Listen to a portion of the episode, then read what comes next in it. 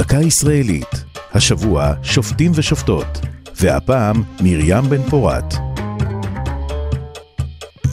לחיה ואליעזר שיינזון, זוג סוחרים שחי בבלארוס בתחילת המאה ה-20, נולדו שבעה ילדים. לימים תהפוך אחת מבנותיהם, מרים, לשופטת בית המשפט העליון ומבקרת המדינה, ותהיה האישה הראשונה למלא תפקידים אלו בארץ.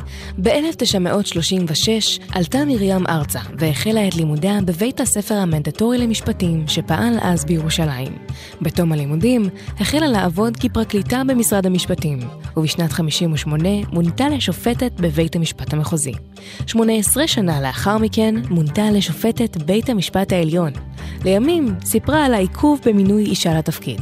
בבניין המיושן שבו שכן בית המשפט נמצא רק חדר שירותים אחד, כך שנוכחותה של אישה הייתה עשויה לגרום לשופטים אי נוחות מסוימת.